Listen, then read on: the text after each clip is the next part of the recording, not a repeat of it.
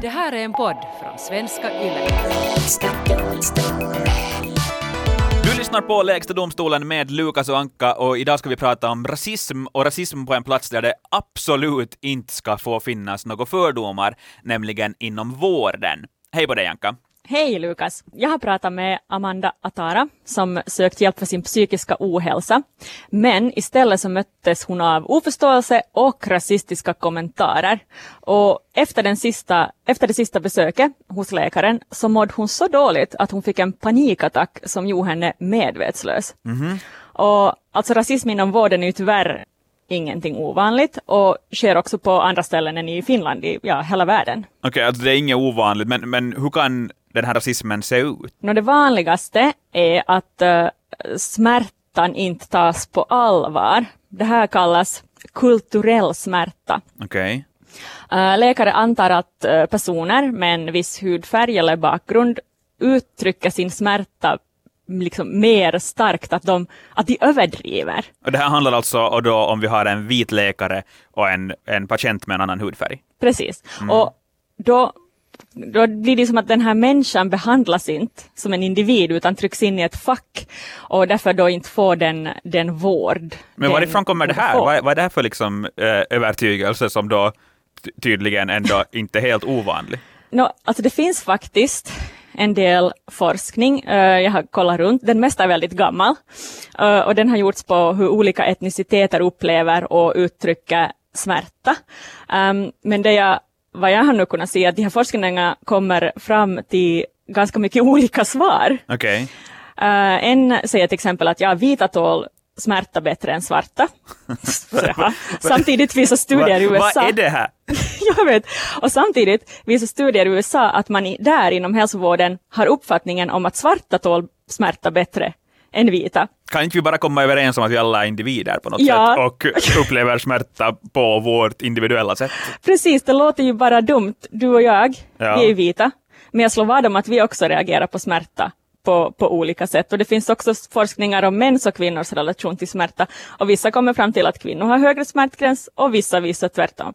Så, så det finns en massa forskning på det här. Jag vet inte varför man har forskat i det. Nej, men det är väldigt viktigt att forska i det här då. Precis. Hur upplever den här, eh, det här folkslaget eh, smärta? Ja, och vad, vad du kan konstatera är att de här forskningarna kommer fram till olika grejer och därför kan man ju säga att det finns inga egentligen bevis på att man ska uppleva smärta på olika sätt, utan istället så handlar ju rasismen om fördomar baserade Precis. på hudfärg eller etnicitet, så, som då leder till ett nedlåtande beteende från, från läkarnas Och vad kan det här sida. leda till då? Det finns eh, svensk forskning som visar att uh, vårdpersonal uh, tillbringar mindre tid med patienter som har utländsk bakgrund och att eh, personer med utländsk bakgrund till exempel inte får rätt sån här hjärtsviktsmedicin jämfört med resten av befolkningen.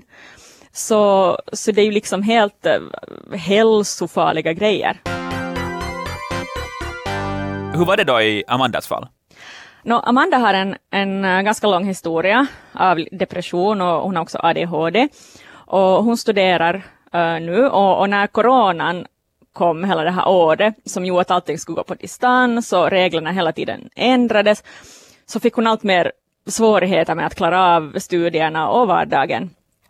Och det här är ju sånt att vi har hört från många studerande Absolut. under året. Man mår dåligt helt enkelt. Och hon sökte då hjälp. och Hon fick flera gånger träffa en läkare. Men, men när hon träffade den läkaren så, så började hon känna sig allt mer maktlös. Hela tiden ifrågasatt han hennes symptom och eh, mående. det kändes att man måste gå och försvara sig själv hela tiden. Så som sagt, hans attityd var jätte på något sätt nedlåtande och sådär att hej nu ska du liksom lyfta dig själv upp och just till exempel den här senaste visiten som slutade med vid min uh, panikattack som gjorde mig medvetslös så höll han på just att förklara att om du inte liksom är ute här så fort som möjligt så blir du här i 20 år i det här systemet. Jag har patienter som har varit här i 20 år. Och, eh, och sen dina vänner kommer inte heller tycka om att du klagar om dina problem så de kommer att lämna dig. Eh, och det här som sagt var igen den här personen som har makt över hur länge jag stannar här i systemet och har koll på min hälsa och ska liksom på något sätt försöka bättra den när han ändå är läkare så jag kände mig jättemaktlös och jättepaff. Just det där som Amanda pratar om, makt. Att läkaren, man är så otroligt sårbar i den där situationen och att sen att en läkare ska säga att dina kompisar kommer inte att tycka om dig om du springer här hela tiden. Det är så, det är så galet. Läkaren föreslog också att Amanda skulle ta långa promenader varje dag för att, för att bli bättre och visst, motion är ju bra. Ja. Eh, Sådär ja, ryck upp dig. Ja, Ehm, spring bort ditt, eh, ditt psykiska illamående. Ja, men när hon då sa att, ja, men att jag brukar gå på, på gym ganska ofta, då undrar han istället att men hur orkar du gå på gym när du inte orkar studera? Lite som att, att kommer du här och luras? Okej. Så, så Amanda kände verkligen att han inte tog henne och hennes besvär på allvar. Och sen Eh, så kom han ju då också med en eh, del, eh, ja, riktigt konstiga kommentarer kan man väl säga. Han frågade om jag röker cannabis och jag sa nej. Och så, så skrockade han att ja, du har ju inte rastaflätor. Um, och jag visste inte riktigt hur jag skulle reagera så liksom, jag satt där bara helt tyst. Jag kunde inte på något sätt tro att en läkare kunde säga så. Liksom. Jag vet inte hur noll koll han hade. Um, och sen just sådana här saker som han hade frågat min familj vad de håller på till arbete. Jag hade um, tidigare berättat. Sen den här sista gången så frågade han att ja, din pappa, uh, han är väl en busskusk, är han inte? jag vet inte varifrån han fick det där. Min pappa jobbar på Conti. Han är en frilansjournalist. jag satt ju där och liksom inte visste alls vad jag skulle säga och reagera och liksom upplevde mig jättehjälplös. Okej, så att Amanda träffade ett rövhål och kände sig ju jättehjälplös hos läkaren. Helt förståeligt. Jag menar, så där ska inte en läkare behandla en patient. Uh, hur påverkar rasismen inom vården människorna som utsätts? Um, då som sagt, Amanda fick, eh, det gick så långt att hon fick den här panikattacken som gjorde henne medvetslös. Um, hon kommer förresten nu anmäla det här till, till patientombudsmannen så hon liksom går vidare med saken. Okej. Men alltså det kan ju bli mycket allvarligare än en panikattack. Man kan, man kan ju till och med dö om ens tillstånd inte tas på allvar. Till exempel i USA så är mödradödligheten större bland svarta kvinnor. Alltså det är tre till fyra gånger vanligare att dö Ja. mödradödligheten, är det när man föder barn? Precis, Och och, eller Mm. vänta barn och, och, också Precis. att, att liksom mamman eller barnet kan dö. Och, och forskare menar att, att orsaken eh, till stor del kan förklaras av rasism. Också i Sverige så finns det forskning som visar att speciellt kvinnor från söder om Sahara har högre mödradödlighet jämfört med andra kvinnor. Det här är alltså vårt grannland. Ja. Um, och, och i den här artikeln från Sverige så, så, så nämns inte rasism eftersom det är så politiskt ladd att man försöker liksom undvika att använda det där ordet. Men någonting ligger bakom Men, det ja, här. precis. Artikeln visar ju ändå att det är så här. Ja. Svarta kvinnor dör oftare. Uh, och, och det handlar inte om uh, tidigare sjukdomar eller att de här kvinnorna inte skulle lyssna på läkarnas råd. Så då, det finns en annan orsak och då kan man ju då spekulera i att det handlar om diskriminering. Mm, och att läkarna inte lyssnar på dem kanske. Och jag, har, jag har pratat med Sara eh, Hamed som är doktorand och tandläkare och hon jobbar just nu med ett projekt där de kollar på hur vårdpersonal resonerar kring rasism inom vården i, i Sverige. Och hon har också varit med och skrivit en artikel där de har intervjuat patienter i Sverige, Portugal och Tyskland Ja. som upplevt rasism inom vården. Och det som kommer fram där väldigt tydligt är just det här att de blir inte tagna på allvar, att deras smärta uppfattas vara överdriven. Uh, vårdpersonal tror att vissa grupper är för känsliga, för emotionella, överdriver. Uh, och, och många i de här forskningarna så säger då att de har, på grund av det här, så har de förlorat förtroende för vården.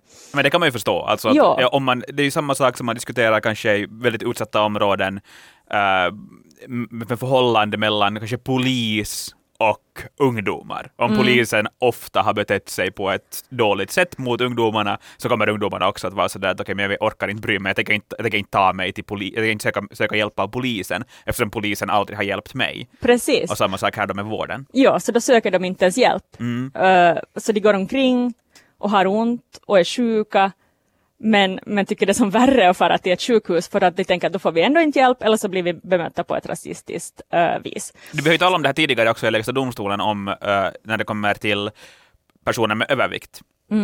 och eh, där hur, de, hur- hur personer som, som då har övervikt inte vill ta sig till, till sjukhuset eftersom man då konstant får kommentarer om just bara övervikten och inte kanske om det som man, man har sökt hjälp om. Precis.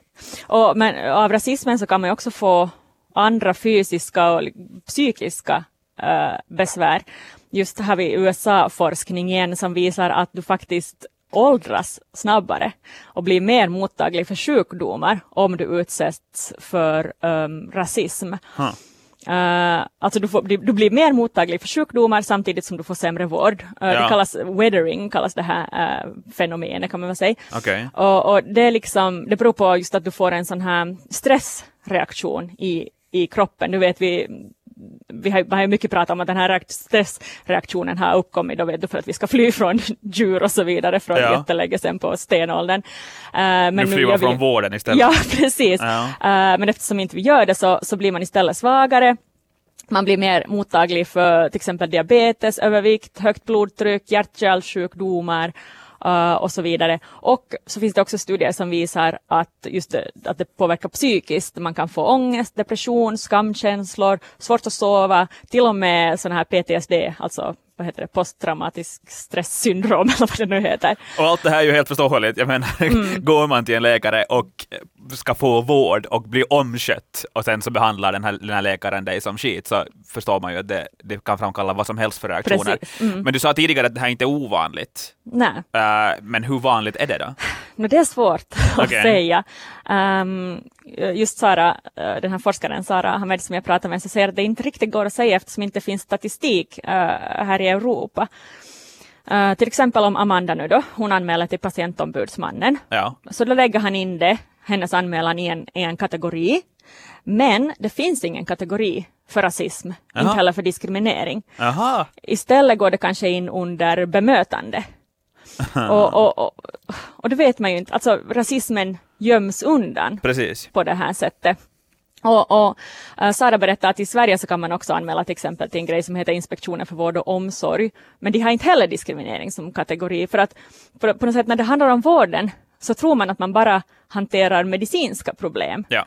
Att diskriminering är inte en del av vården. De tror, eh, vården tror på något sätt att de är, de är ett litet undantag, att där finns inte känslor eller fördomar som en del av den här interaktionen mellan en, en läkare och en, och en patient. Så därför har vi svårt att få fram eh, statistik. Och Sara sa att det också det är olagligt i många europeiska länder att ha liksom rasifierade kategorier sådär när det kommer till olika grejer. Så man kan inte som samla material enligt det.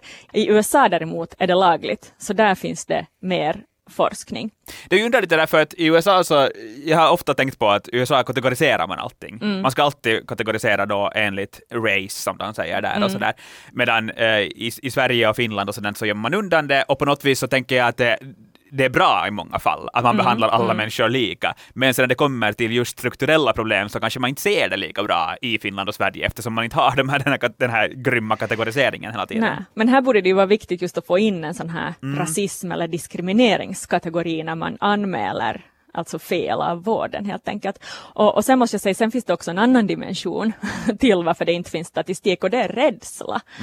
Det har Sara och hennes eh, medarbetare också liksom hittat i sin nuvarande forskning när de då pratar med vårdpersonal. Hon säger att det är jättesvårt att få dem att prata. Varför det? För att de är rädda att För? diskutera rasism eftersom de är rädda för att bli stämplade som problemskapare på jobbet. Alltså de förstör arbetsmiljön med att prata om sådana här saker. Just det. Eh, och en del var också rädda andra hållet att bli stämplade som rasister. När de frågar som så här, får vi ställa några frågor om rasism? Och de bara, va? Varför vill du prata med mig? Är jag rasist? Oj, att det är, så, det är så himla känsligt. Så, så, och också som patienter. Att de har svårt att få, hon kan prata med patienter men sen när hon frågar att får jag lägga med det i min forskning så säger de nej, nej, nej, nej, nej. För att, för att man vill inte liksom sticka upp helt enkelt. Eh, och, och därför tror hon också Sara att det finns ett, stort, stort mörkertal, alltså folk som inte anmäler grejer som skulle gå att anmäla. För att man är helt enkelt rädd.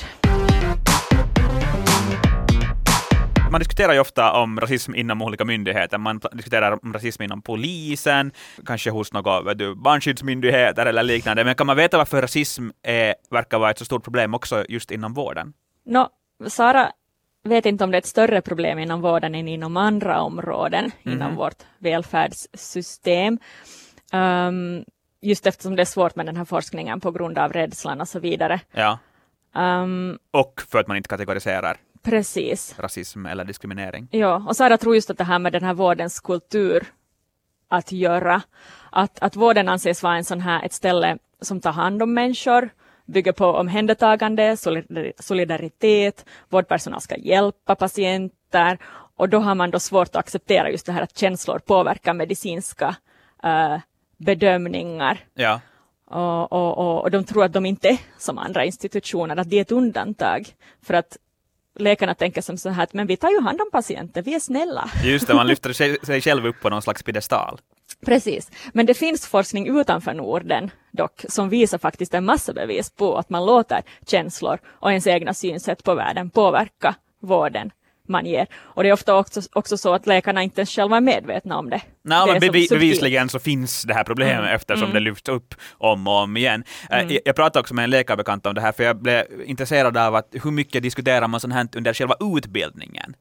Eh, när man blir läkare. Mm, det är ju något som borde diskuteras väldigt mycket, Exakt. tänker jag. Absolut. Eh, Jag har i något skede funderat sådär att borde man ha någon slags system när man blir läkare, att personer som kanske inte har en symp- eller inte sympatiska eller, eller kan känna medlidande, borde de alls, alls få bli läkare, borde de alls få studera till läkare. Men samtidigt så finns det ju en massa forskare och liknande och kanske läkare som inte har med patienter att göra. Eh, Så såklart ska alla människor få bli läkare. Men eh, det har tydligen diskuterats mer än tidigare, också inom den medicinska undervisningen under de senaste åren. Alltså växelverkan mellan eh, patient och läkare. Och i praktiken får man också undervisning. Eh, men en bekant sa till mig att han upplever att det på något vis ehm, den här undervisningen blir lite ytlig eftersom mer sådana abstrakta ämnen får ge vika då man samtidigt ska läsa vet du, allt om alla hormonsystem i kroppen. Eh, alltså medicin, medici- medicinstudierna är så pass substansberoende. Man ska lära sig allt om människokroppen och man ska lära sig att rädda liv. Det är liksom den absoluta prioriteten förstås för en Precis, läkare. ja. Sen de här andra studierna kanske inte får lika mycket utrymme eftersom det är så jättemycket annat som man ska fokusera på. Um, och uh, den här ena, ena bekanta sa också att det var förhållandevis lite fokus på patienter av exempelvis olika etniska bakgrunder inom de här studierna.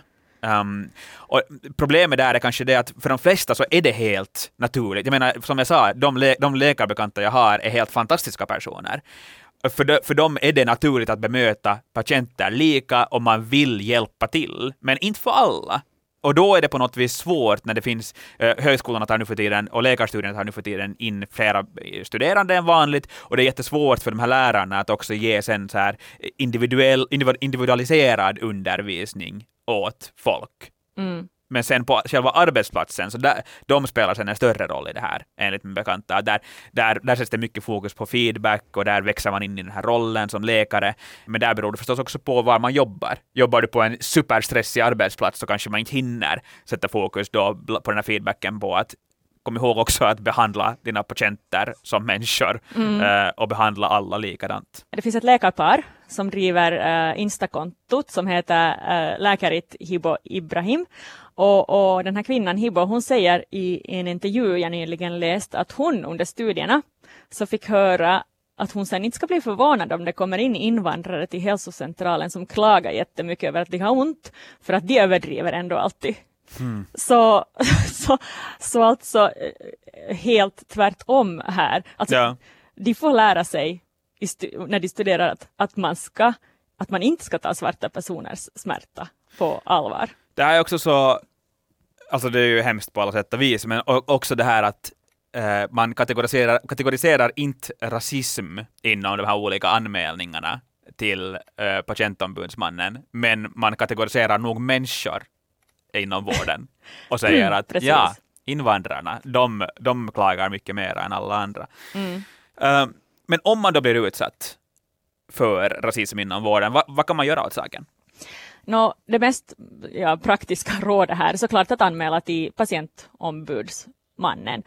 Um, och de anmälningarna går sen alltid vidare till, till ledningen och de kollar på dem och tycker de där att den här anmärkningen är befogad så går det sen vidare till, till liksom diskussion och, och, till läkaren i fråga och det blir samtal och de tar kontakt med patienten igen och så vidare. Ja. Så att där är ju ett liksom jättekonkret och uh, bra sätt, just om den här läkaren omedvetet eller medvetet har liksom betett sig som ett rövhål så, ja. så får, får den ju personen veta om det i alla fall och kanske får rannsaka sig själv. Absolut och så vidare. Men, men just vad man kan göra åt saken, det borde ju börja prata om det redan på lä läkarutbildningen som vi har sagt. Mm. Och, och, men just nu verkar det ju vara lite, lite tvärtom. Och också en grej uh, som, uh, som det här läkarparet också pratar om att nästan alla bilder i läkarböckerna är på vit hud.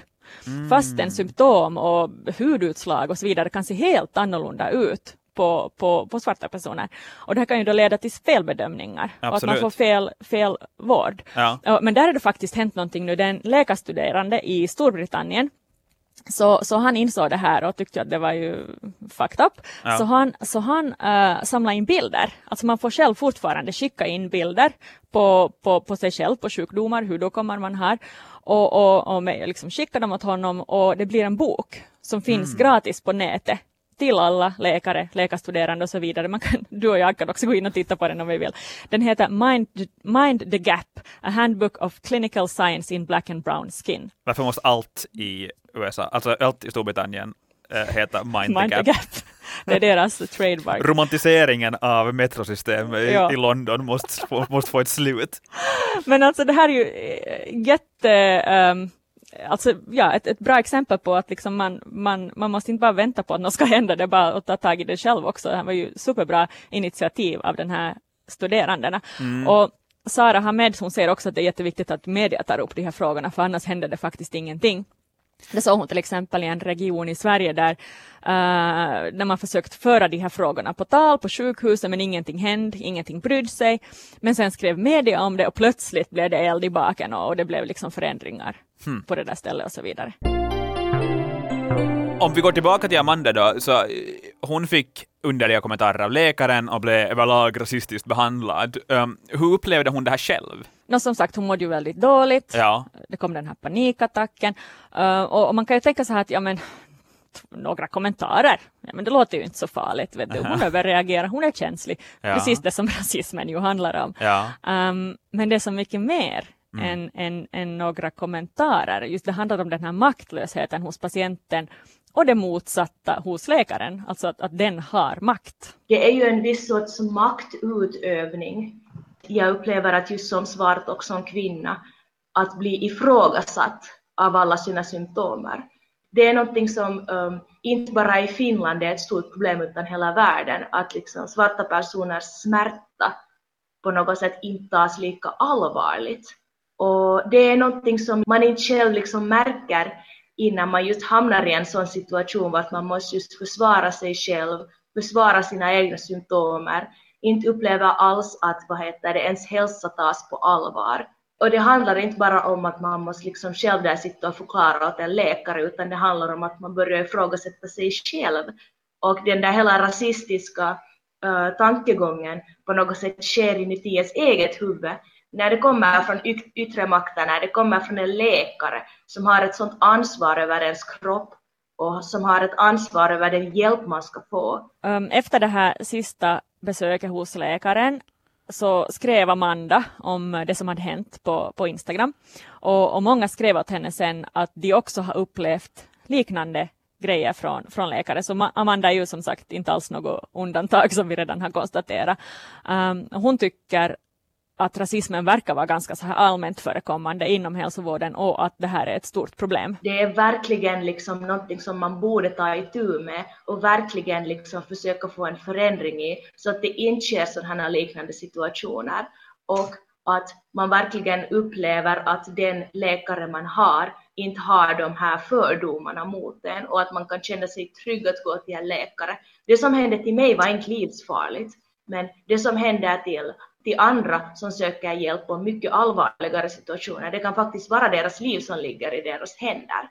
Och där märker man just att hur någonting som en liten fördom eller någon kommentar eller bara det att man inte just ehm, att man inte just tar en lika seriös som till exempel en vit patient kan leda verkligen till livshotande situationer. Och då är felet verkligen där på den personen som hade makt och hade kontroll och valde att låta sina fördomar komma framför ens empati och framför ens plikt och framför ens skyldighet. Har du varit med om det här, att du har blivit dåligt behandlad inom vården, av andra myndigheter? Hör gärna av dig och diskutera med oss på Instagram på nyheter. Eller är du läkare? Är du från andra hållet? Är du polis? Uh, vill du snacka med oss om de här frågorna så gör vi det gärna tillsammans med dig. Och vill du höra av dig personligen till oss som gör den här podden så kan du göra det eh, och skicka till eh, förnamn.efternamn yle.fi och Anka heter egentligen Ann-Katrin. det är det få som vet. Ja. Avslöjar du någonting? ja, precis. Um, Lägsta domstolen tar paus nu i några veckor, men vi är nog tillbaka inom kort. Tack för det här, Anka. Tack Lukas. Hej! Hej då.